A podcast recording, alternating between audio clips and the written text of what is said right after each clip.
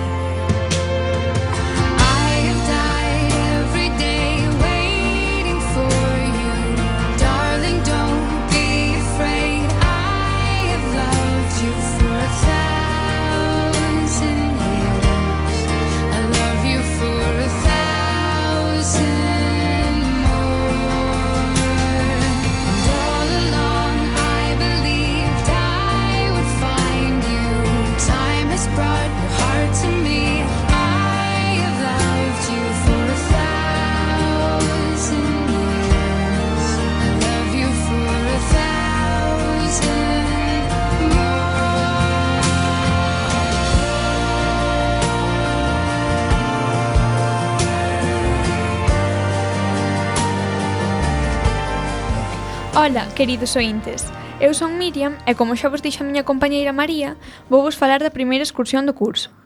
O pasado mes de decembro fomos de excursión a Lugo, acompañadas polas profesores do Departamento de Lingua Galega, María e Mercedes, e tamén xunto con Pilar e Meli, as profesoras de Música e Matemáticas.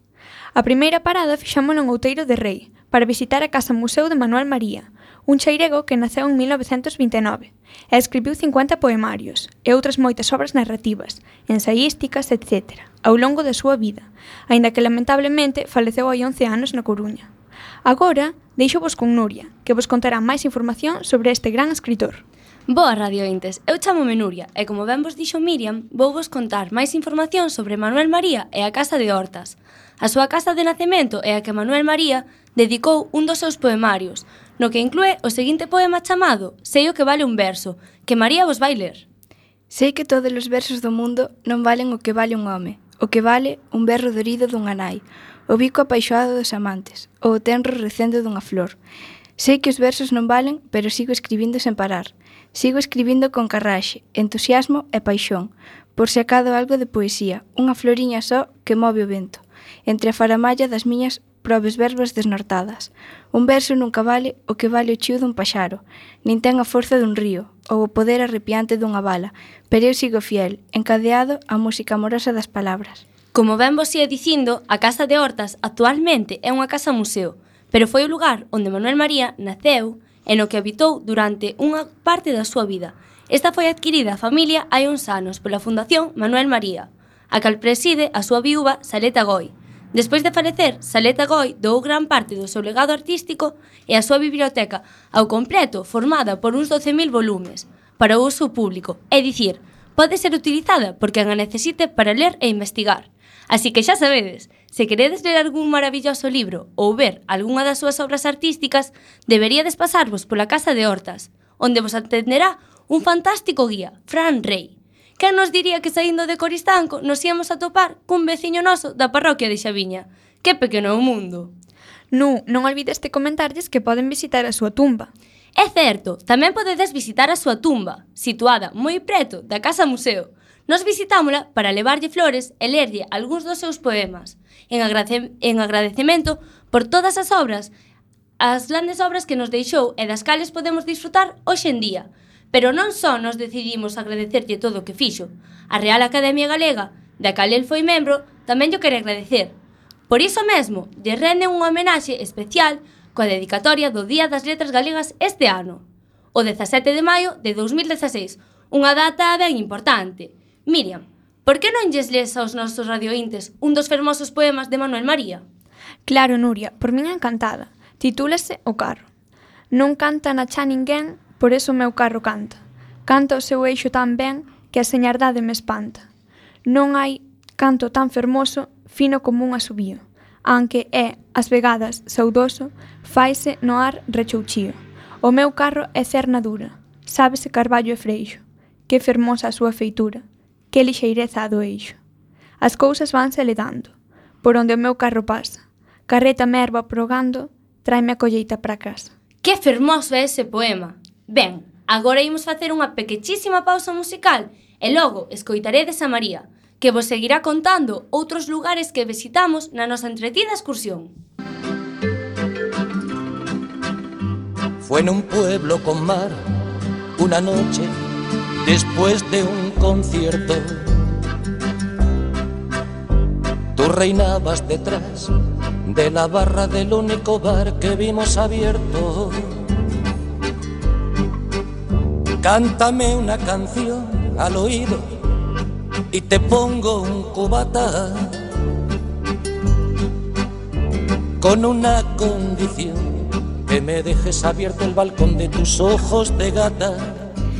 Querida audiencia, a vos tamén vos gusta Joaquín Sabina, a min encántame, sobre todo esta canción, dedicada a Galicia na que conta unha bonita historia e que é dedicada a unha moza galega, da que se enamorou ao sair dun concerto. E, ben, non me enrollo máis e seguimos contando cousas sobre a nosa excursión. A segunda parada foi en Castres de Rei, para visitar o fermoso castro de Viladonga. Nuria, gustaría che ler a ti o poema que compuxo Manuel María sobre este castro? Claro que sí. Castro de Viladonga, aberto aos ventos, ollando as vagas nubes fuxidías, illote de altiveza e de impotencia, ergueito como o puño don Petrucio, nas soidades sen fin da terra chá, habitado por cobras e lagartos, xestas, uces, toxos e carqueixas, nas que a niña, quizás, a cotovía, e florecen ufanos os balocos. Estalos para ninguén, festas de nada, castro de Viladonga, círculo máxico, símbolo do pai sol e máis da vida, feito da mesma terra que o meu corpo, arraigado no ser da miña tribo, como unha mao nobre e xenerosa, ou colo maternal, pois en Galiza. Só as feituras de colo e mao aberta. Para quen? Para que? Por que? Tantísima tenrura derramada? Castro de Viladonga, montón breve, de bellas pedras nas que vive, o silencio, a ruína, a soidade, imaxe xusta e fiel da miña patria. Xa había ben tempo que non lía un poema, pero de vez en cando non está mal recordar a fermosa lírica da nosa terra. Non si? María, veña, Sigue contarlles a nosa visita. Alá vou. A visita comezou cunha pequena charla sobre a historia do Castro. Logo, puidemos ver unha pequena maqueta sobre el e algunhas pezas antigas moi interesantes. Máis tarde, fomos visitar o Castro, o que resultou moi interesante. Queredes escoitar outro pouquiño da fermosa canción de Joaquín Sabina? Pois aquí vos deixo con ela. A volta, seguimos vos contando. Nos dijimos adiós, ojalá que volvamos a vernos. El verano acabó, el otoño duró lo que tarda en llegar el invierno. Y a tu pueblo el azar, otra vez, el verano siguiente me llevó y al final del concierto me puse a buscar tu cara entre la gente. y no hallé quien de ti me dijera ni media palabra. Parecía como si me quisiera gastar el destino una broma macabra. Ben, sigamos a ruta. Agora toca a min contarvos. A terceira e última parada foi en Penas de Rodas, situadas en Outeiro de Rei. María lerá vos agora o poema que escribiu Manuel María en honor a este fermoso lugar. En Gaioso, ollando a chá, hai dúas penedas ergueitas. Semellan non ser verdá, redondeces tan ben feitas. As penas de roda son dous ollos alucinados, que espían con atención os eidos máis alonxados. Se ambas penas se desfán, arde, co mundo, un tesouro. Unha pena é de alquitrán, a outra unha trave de ouro. Non sabed, non sodes, non, cantería, ou, penas de encantamento. Temo que calquera día vos poida levar o vento. Agora seguirei vos a dar unha sorprendente información sobre este lugar. Penas de Rodas son dúas enormes pedras de granito, case perfectamente esféricas, asentadas sobre bases moi pequenas, polo que dá a sensación de estaren a piques de caer rodando. É incrível! Miriam, por que non, non nos contas ti agora a fermosa lenda? Está ben, como xa vos dixo Nuria, hai unha famosa lenda sobre estas pedras, que di que unha das pedras está chea de ouro así que o que lograse rompela faríase rico, pero sen embargo a outra está chea de alcatrán, e se a rompese inundaríase a zona. Por iso se conta que ninguén intentou rompelas. Vaites, vaites cos penas. Despois desta última parada, voltamos a Coristanco, cun montón de novos coñecementos e cousas que contarlle aos nosos amigos.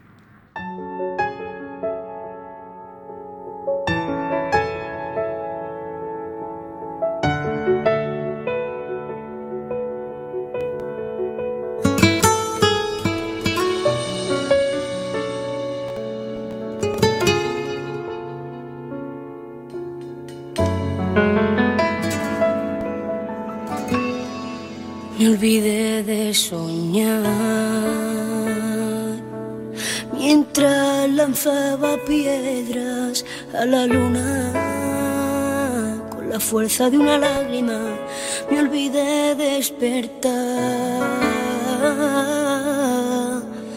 a la voz de tus caricias mudas. Quisimos buscar a oscuras la luz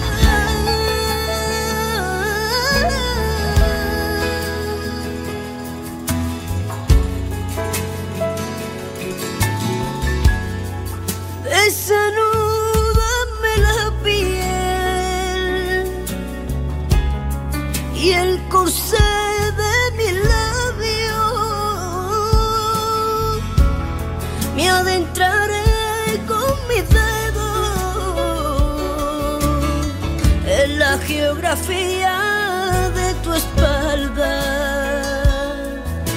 Quisiera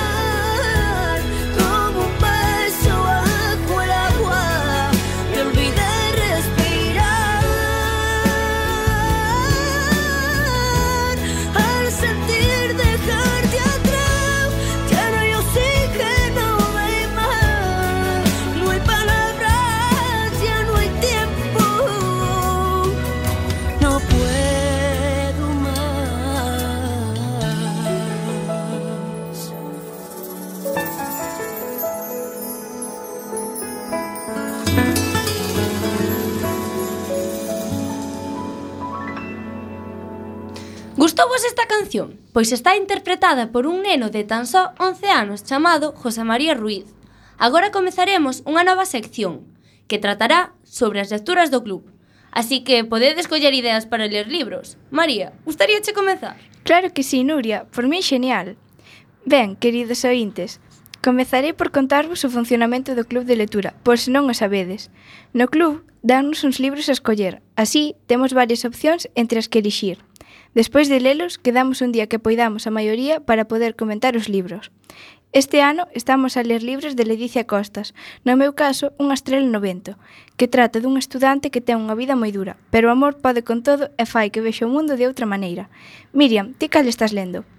Eu estou lendo Recinto Gris, que trata sobre unha cidade invadida por soldados lobos co propósito de crear a cidade perfecta, xa que consideraban incómodas para a sociedade aquelas persoas diferentes debido aos seus rasgos físicos ou psíquicos. Faltanme unhas páxinas para rematalo, pero a todo de agora estáme resultando do máis entretido. Nuria, ti estás lendo o corazón de Xúpiter, non si? Si, sí, Miriam, é moi peculiar, no bo sentido da palabra, claro está. Trata sobre unha rapaza que se muda de lugar e coñece a un mozo a través de internet. Logo quedan para coñecerse.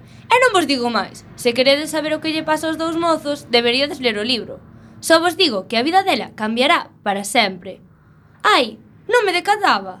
Nenas, esquecimos contarlle que o ano pasado tivemos o placer de coñecer a Ledicia e poderlle preguntar sobre os seus libros, xa que veu visitarnos ao instituto. Nuria, tamén nos olvidamos de contarlle outra das inolvidables experiencias que vivimos no Club de Lectura. Todos os anos facemos un intercambio de cartas cos alumnos do Instituto Ramón Otero Pedrallo e logo dun tempo coñecémolos en persoa. É genial. Este curso estamos a piques de comezar de novo. Moito nos tarda. Ben, seguimos na onda. Deixámosvos un pouquiño cunha fantástica canción. Ata agora. Volveremos con algo especial. Non vos vaiades.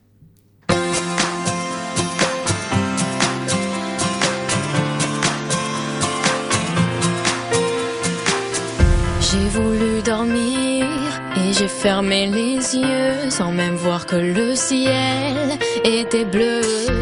Je me suis réveillée sous un nouveau soleil Et depuis ce jour-là, rien n'est pareil.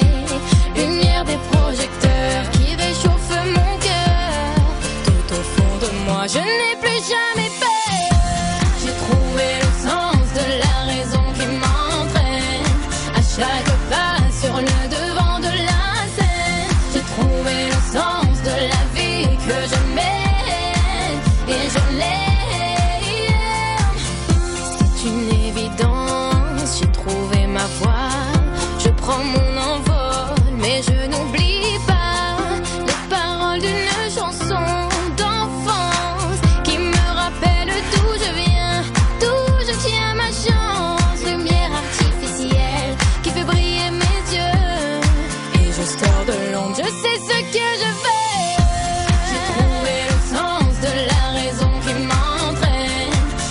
goodbye.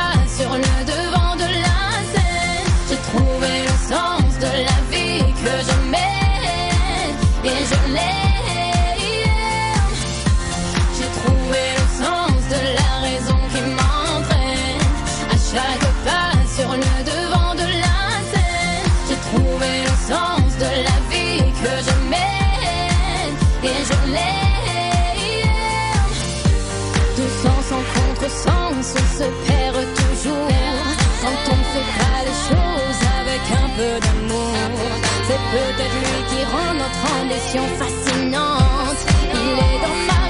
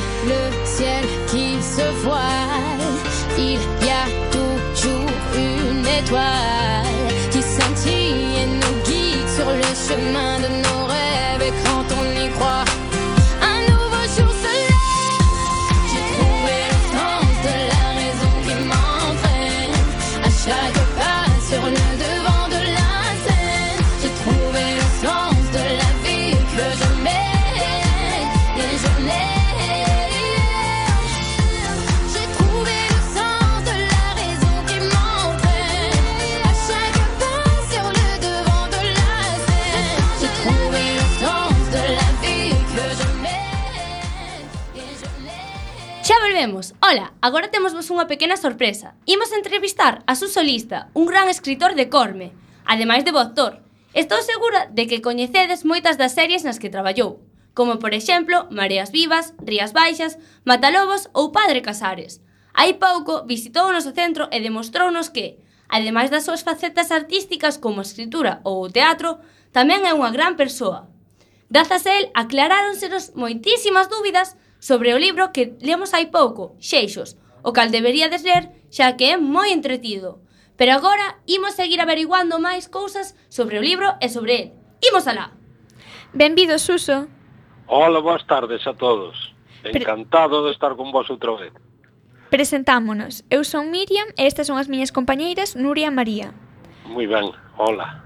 Para comezar coa entrevista, impor importaríache comentarnos que podemos atopar na lectura de Xeixos? Pois mira, eh, Seixos, eh, además escollínlle ese título porque son os Seixos, nos chamamos ya esas pedriñas redondas que hai na, na playa, que hai de moitos colores, eh. entonces son uns relatiños cortos, igual son, son relatiños moi cortos, moi fáciles de ler, eh, que falan sobre todo da, da condición humana eh, eh das personas, non? Como son durante a súa vida eh, e eh, eh, as actitudes que toman moitas veces equivocadas por, por non querer mirar as cousas ou, ou por pensar que as cousas non lle van pasar a un. Pero son un relato sobre todo que, que teñen moito mar, non? Eu son de Corme, claro, e aquí, nacín aquí, vivo aquí.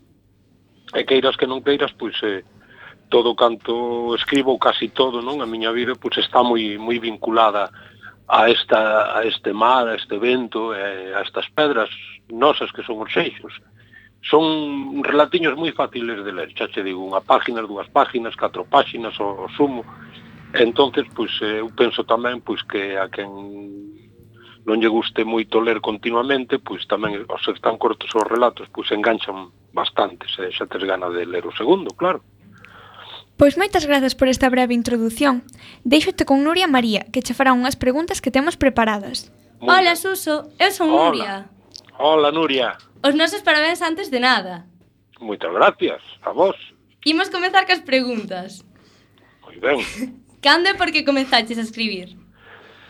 Mira, eh, en realidad a min sempre me gustou escribir algo, o que pasa que sempre escribía pa min, aquí nunha libreta, depois eh, ou rompía ou non, de feito teño moitas libretiñas por aí escritas, pero sobre todo empecé a escribir porque fixo un blog, eu non tiña nin idea de ordenador nin nada, un amigo propúxome facer un, un blog onde podría escribir e colgar fotos, e así foi, foi no ano 2005, creo recordar, e a partir de aí pois, empecé xa, gustoume tanto que empecé a xogar un pouquiño así, casi imágenes, cunha foto, con, poñendo un texto debaixo, baixo, e a partir de aí digamos que xa o, xa me embistiei na, na, na, na escrita, non?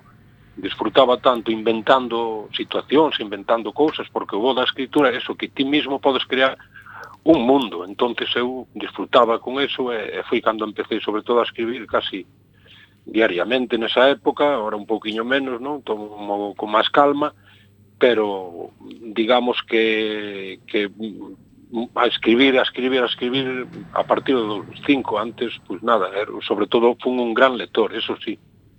Como se che ocorreu escribir xeixos? Pois mira, xeixos, eh, eu como tamén eh, empecé a escribir, xa che dixen, no, no, tendo un blog, non? entonces eh, escribías pouca cousa, porque a xente que anda en internet en realidad, pois tampouco está para ler tostons, pois eh, xeixos, eu habitueime a, a ese tipo de escrita, a unha escrita corta, un relato corto, e eh, xeixos, eh, ao fin e ao cabo, eh, non deixa de ser máis ca, ca un, un relatos máis no, no meu estilo, non? No, no que eu suelo escribir, que é o relato corto. Eh, escribí no xeixos, recordo hai algún que é anterior, do, do 2007, creo que hai un par de relatos que tuve no blog, pero o resto son son casi todos escritos no ano 2014. En canto tempo? 2014. Pois Can... mira, ti, canto tempo me levou escribir eso? Pois eh, non sei, hai relatos xa che dixo que teñen a mellor cinco ou seis anos e outros, pois, escribinos eh, algúns nun día, outros levoume dúas semanas, depende, porque eu son escritor de que non me sento eh, me poña a escribir todos os días. Eu simplemente me sento cando me, de verdade me apetece escribir e depois deixo aí e podo retomalo, pero pero eso cando me apetece, non non teño horario fijo para escribir. Suso, é unha dúbida que teño eu. Por que todos os personaxes deste libro son masculinos?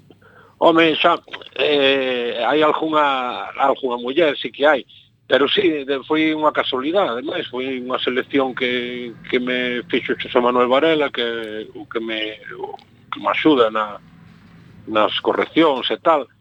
E, e foi unha selección, salida así a bote pronto. A verdade é que eu casi todos os personajes que teño son masculinos, porque casi todos son personas ruins. entonces pois eh, é, é como se me fastidiara, eh, fastidiara non? Ou, ou, ou non conocer a, mulleres ruins, non? Entonces, pois a verdade é que, que salen poucos, sí. Pero, bueno, cadroulle nestes, teño relatos en que mulleres tamén son protagonistas, evidentemente. Cal foi o proceso creativo de Xeixos?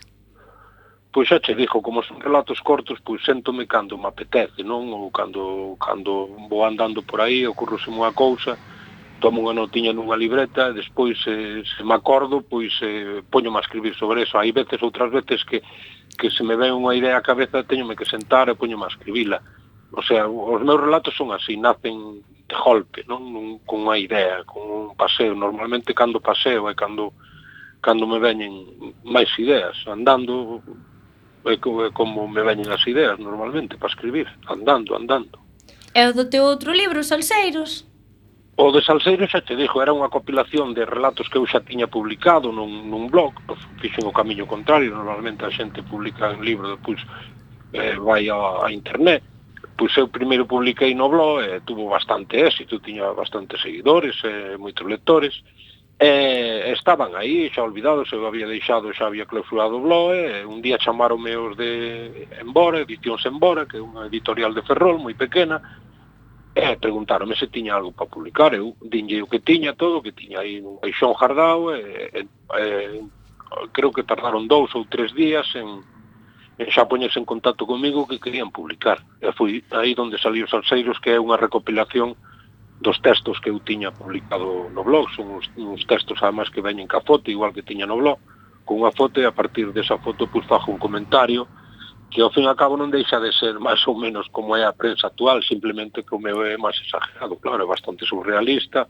e viña sendo unha crónica do que estaba pasando aquí, eh, no meu corme imaginario, naqueles tempos, non? Eran cousas reales que pasaban, pero estaban adobados ca, ca, ca, ca miña imaginación, digamos, surrealista, ás veces, non? E eh, como te sentiches ao recibir o premio dos lectores no blog Fervenzas Literarias? Pois mira, é un, é un orgullo ademais porque é un, ten bastante prestixio ese, ese premio e, e con Salfeiro xa te digo quedou de, de cuarto libro e, e Seixos quedou sétimo este ano o sea, xa me, como se suele decir xa me pode dar con Seixo nos dentes porque son dous libros dous libros que publiquei e dous libros que tuveron moito tirón aquí en Galiza e de feito Seixos pois estou agora en, en trámites ainda non temos a fecha concretada pero irei ao País Vasco a, a presentar tamén xeixos e a falar de salseiros. Ali hai unha comunidade galega bastante grande, e, ben, parece que que me queren ver ali, e que queren que lles vá a falar e comentar, e, e falar de xeixos, claro. Pois xa nos contarás e, que tal che vai polo País Vasco. Como, perdona? Xa nos contarás que tal che vai polo País Vasco. Seguro que ben, seguro que ben. Ali a xente é moi cordial, é moi aberta. De feito, eso, aquí eu son de Corme, en Corme hai un, hai un, unha conexión enorme co País Vasco, enorme de toda a vida, ademais, hai moitísima xente de Corme que está lá vivindo, moitas familias, e, e seguramente verei a moita xente conocida ali, non, non é de extrañar, seguramente. Pois daquela, hai posibilidades de traducción? Pois mira, eu a verdad que nesas cousas non penso, eu sim, simplemente xa vos comentei cando estaba aí que eu, eu salín da escola aos 16 anos, embarquei na mercante, É, a verdade é que non teño moita escola, e menos escola teño menos cultura, eh, e nin literatura galega, nin, nin nada. Eu non, non había estudiado, nin había lido nada en galego cando deixei a escola. E, e entonces eu estou escribindo en galego, pero en realidad eu nunca nunca aprendín o galego. Falamos, aquí en Corme falouse toda a vida, a miña familia, todo o mundo, no pueblo, falamos o gallego, non? De, de, de toda a vida, pero o que a cultura galega estuvo sempre represaliada, non? No franquismo e, e moitas veces ainda pensamos que agora, agora tamén non está, non? O noso idioma, polo menos. É o feito que eu escribo en galego e non penso na traducción, o sea, eu dixo eu se hai alguén interesado, por suposto que, que, que, que eu estaría encantado de traducir. De feito, algunha vez pensei de traducirlo eu ao castelán, algunha vez, Mm, eh, mm, pero non sei, nunca se me dou por poñerme, calquera día poñome. Eh, pois deberías replantearte máis seriamente a idea de traducilos, porque de feito a min parece un libro moi interesante. Ah, por moitas gracias. De nada. se tiveses que elixir entre todos os libros que liches na túa vida, con que libro te quedarías? Uf, uf, é que hai moitísimos, pero sí. bueno, a min houve un que me impresionou moitísimo, non? Que foi Pedro Páramo, de Juan Rulfo, que me impresionou no momento que o lin, pois que me, que me, que me impresionou moito porque vin, eu que sei, sentime moi reflejado ca, ca vida nos pueblos da Costa da Morte, a pesar de ser unha cousa tan distinta que conta o páramo ese que, que describe que describe Rulfo, non? Eh, pero ese impresionoume moito, pero despois tamén eu recomendaría ya a todo o mundo pois que, que lera o Cándido de Voltaire ou, ou mismo o Quijote, o Quijote a verdad que é divertidísimo. Cando me obligaron a ler na escola, a verdad que mm, como non o lín, sempre dixen que era un tostón, pero cando despois o, o leín, xa non unha, senón o, o leín varias veces, porque de cada vez é que non deixo de reírme, non deixa de sorprenderme a, a, a capacidade de, de, de, de facer, sabes, de, de, de, de Cervantes, que boa era escribindo, e, e que, que divertido, e eso é o que de verdad tira pola, pola lectura da xente, non? Que alguén que este lendo se divirta co que está lendo, sobre todo. Os personaxes dos relatos están inspirados na vida real? Pois, en, sí, en realidad, sí, en realidad, xa te dixen antes, son relatos que, que, que falan sobre todo da condición humana, e a condición humana é igual aquí que en, que en Rusia, que en Guinea Nova Papúa, non? O sea, os humanos eh, sinten cariño, sinten envidia, sinten dolor, sinten pena, sinten indiferencia, o sea, todo eso está, está na, na, na, no ser humano, non? eh, entonces claro que os personajes existen. Outros non é que existan pero atísvalos a, a, a, a que podan existir non? Anque non nos coñezamos ten en conta que moitas das personas nós mismos eh, en realidad eh, pensamos sempre que somos outros do que a xente pensa que son non? pois eu ca literatura pois xogo un poquinho con eso non? A, a, a imaginarme como pode ser ou non, ou darlle vida a unha persona, pero que seguramente Personas como esas haberá a centos e a miles no mundo. Eh, como te sentes ao ser un escritor recoñecido en toda Galicia? Pois, home, ben, eu como son daqui de Corme, como sabes, por aquí no meu entorno todo mundo me conoce de moito tempo, por sempre salín por todos os lados, fui moi charachero, tuve moitos, teño moitos amigos, entonces como no meu entorno xa me conoce todo o mundo, pois eh, tampouco pasa nada, que, que sea un poquinho máis grande o entorno e que a xente te salude ou que ou tal, pero a verdade é que tampouco. Eu sigo sendo igual que fun sempre, fun pertebeiro, sou vivo en Corme, todo o mundo me conoce aquí, eh, saben saben de que peco xe, de que, de que penón, eh, sabe a xente como son, entonces claro que me gusta justame que, que a xente sobre todo lle guste se eu escribo que lle guste que disfrute que, que lendo o que escribo porque ao fin e ao cabo eu escribo porque me sinto ben pero que duda cabe que, que como, di, como dicía o Torro de Arteixo que duda cabe que, que nos gusta a todos nos gusta con nosos fillos e gusten a xente non? no meu caso os meus fillos son os libros esa xente disfruta co que eu escribo, pois eu máis animado me encontro pois para para volver a escribir, para seguir escribindo, para seguir, para seguir arrancando unha sonrisa a, a xente, non? A miña escrita. Estás a ler algo agora mesmo? Tes algunha recomendación para os nosos ointes?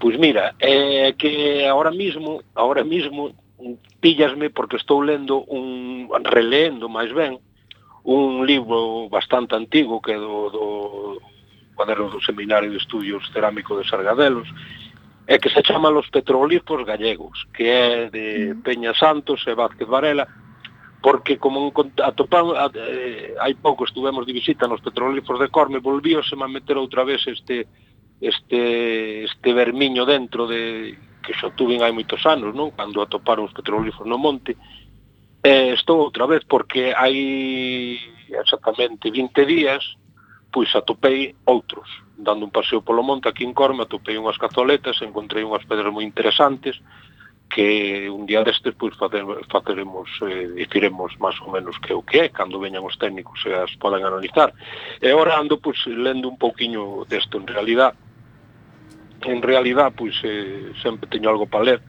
eh, estou outra vez dándolle un repaso ao que é o tema dos, dos petroglifos, estas cousas. A mí a verdade que me gusta moito todo esta, todas estas cousas da arqueología e, e todo de quen somos, de onde vimos e a onde vamos, e o pouco que dura a xente e, e o moito que duran as cousas.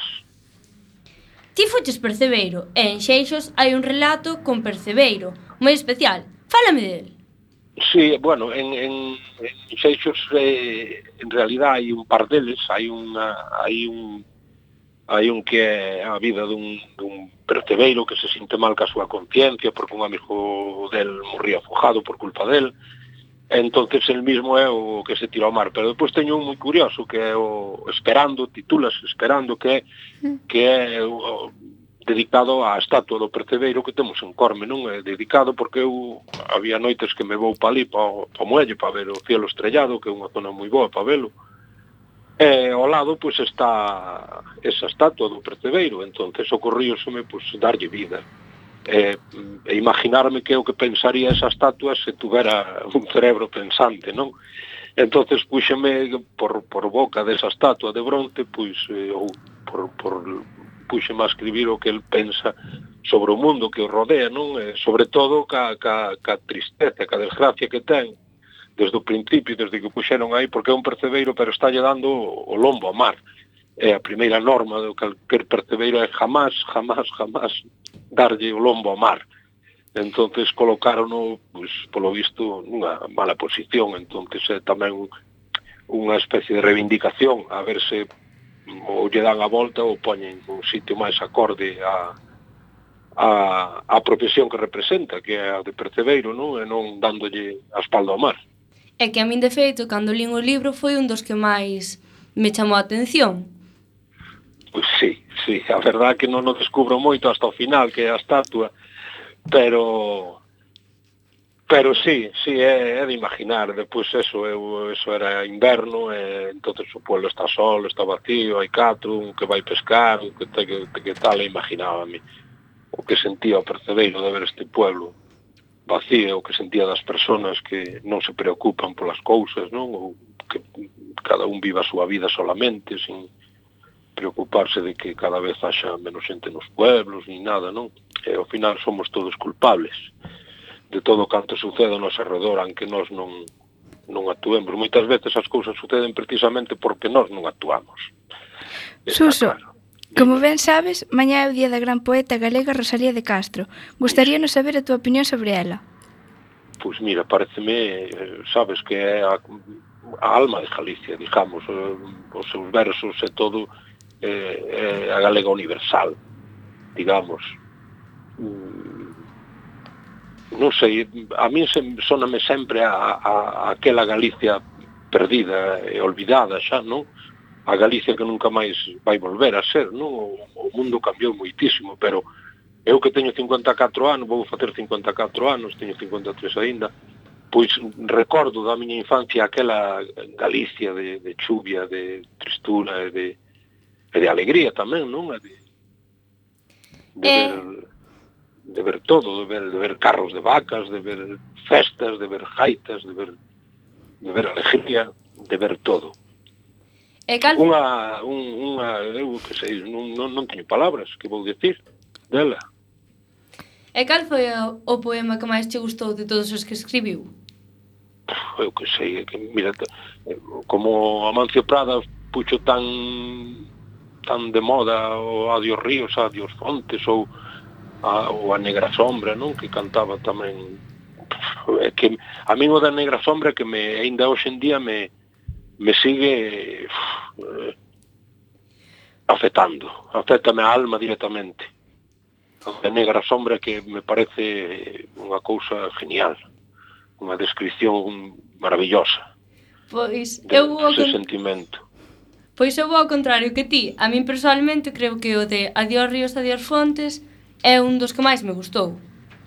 Para min, o poema que se titula Adiós E foi o que máis me gustou. De feito, mañá lereino no Concello de Coristanco, nunha actividade do Instituto.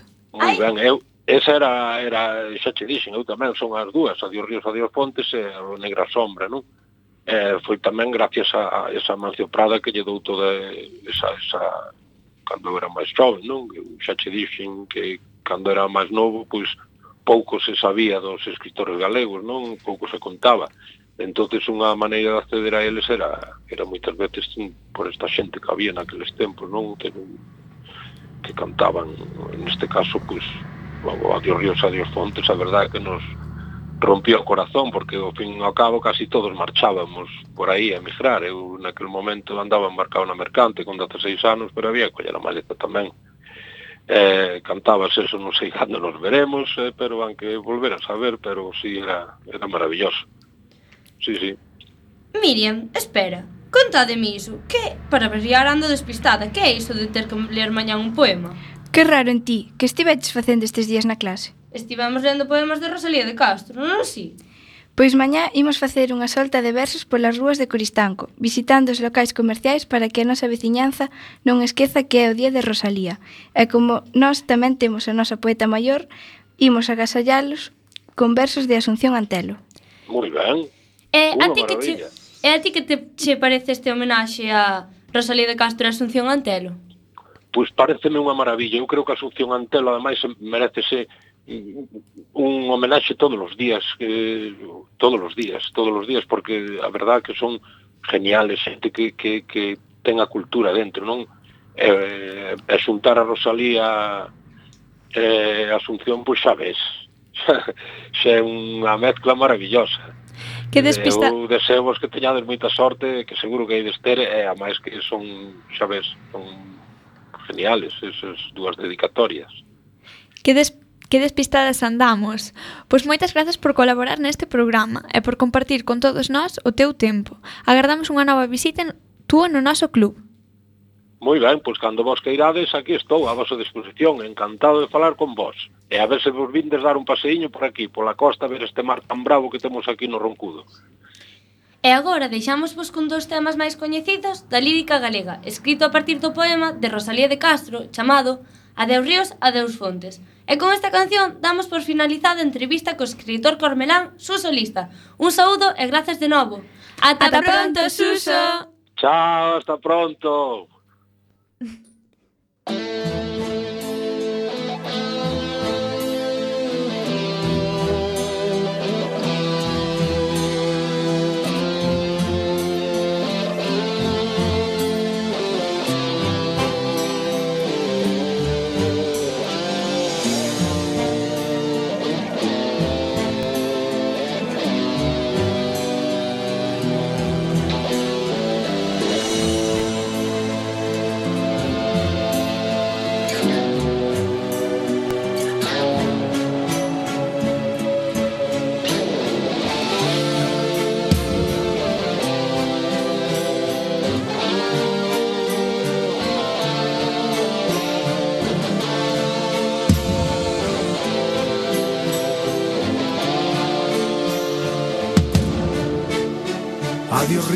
lagos, adiós fontes, adiós regatos pequenos, adiós vista dos meus ollos, non sei cando nos veremos.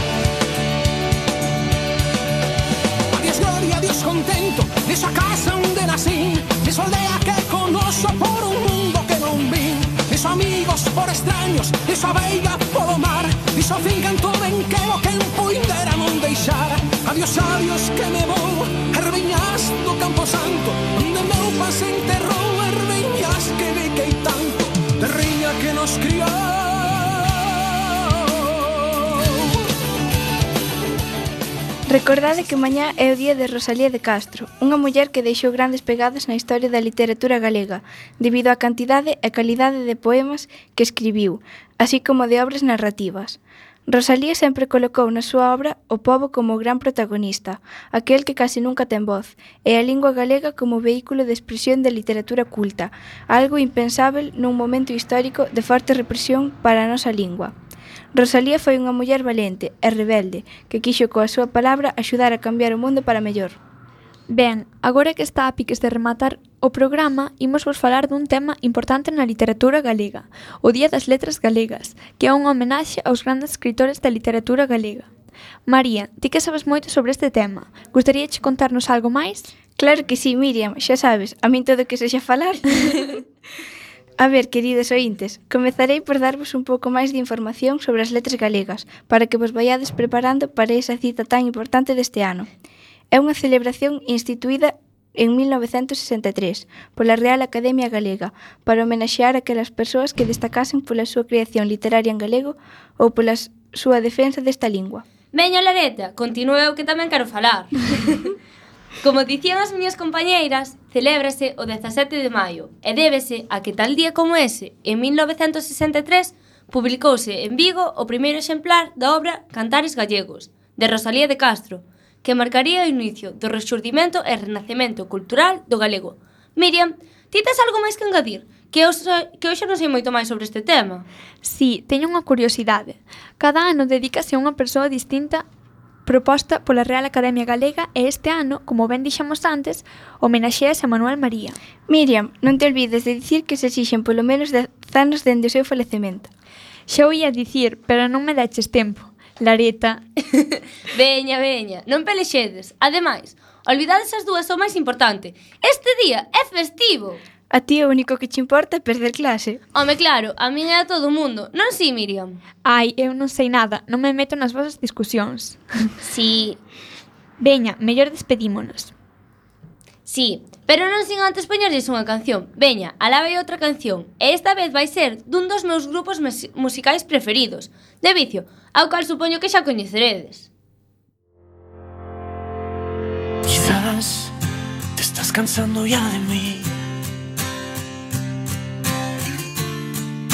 Y yo que no me doy ni cuenta. Quizás lo he dado todo sin medir. Tan solo me he enfocado en ti. Y ahora llega la tormenta. Quizás tú no buscabas algo así. Y yo soy algo temporal. El pasatiempo de tu vida. Quizás todo mi error fue permitir que conocieras como soy, que vieras todas mis heridas, que mi planeta ya no da vueltas alrededor de ti, que las estrellas eran cometas y ya no están aquí conmigo, con los dos.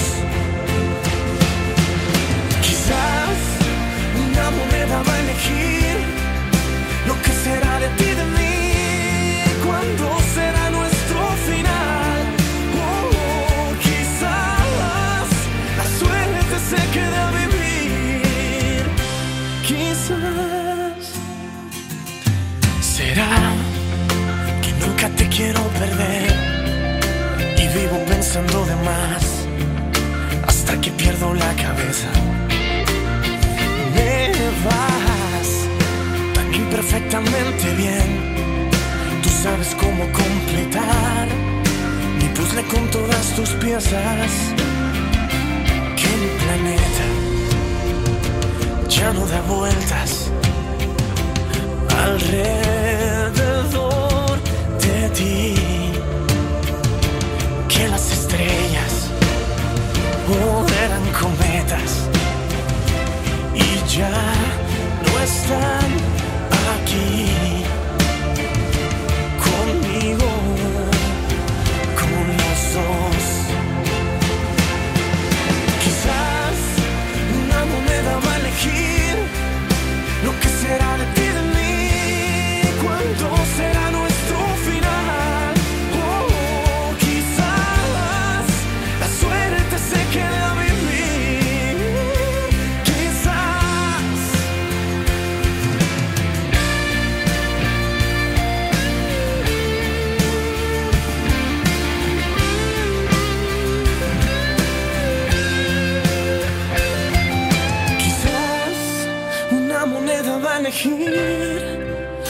Ai, a min de vicio tamén me gusta moito e esta canción non está mal.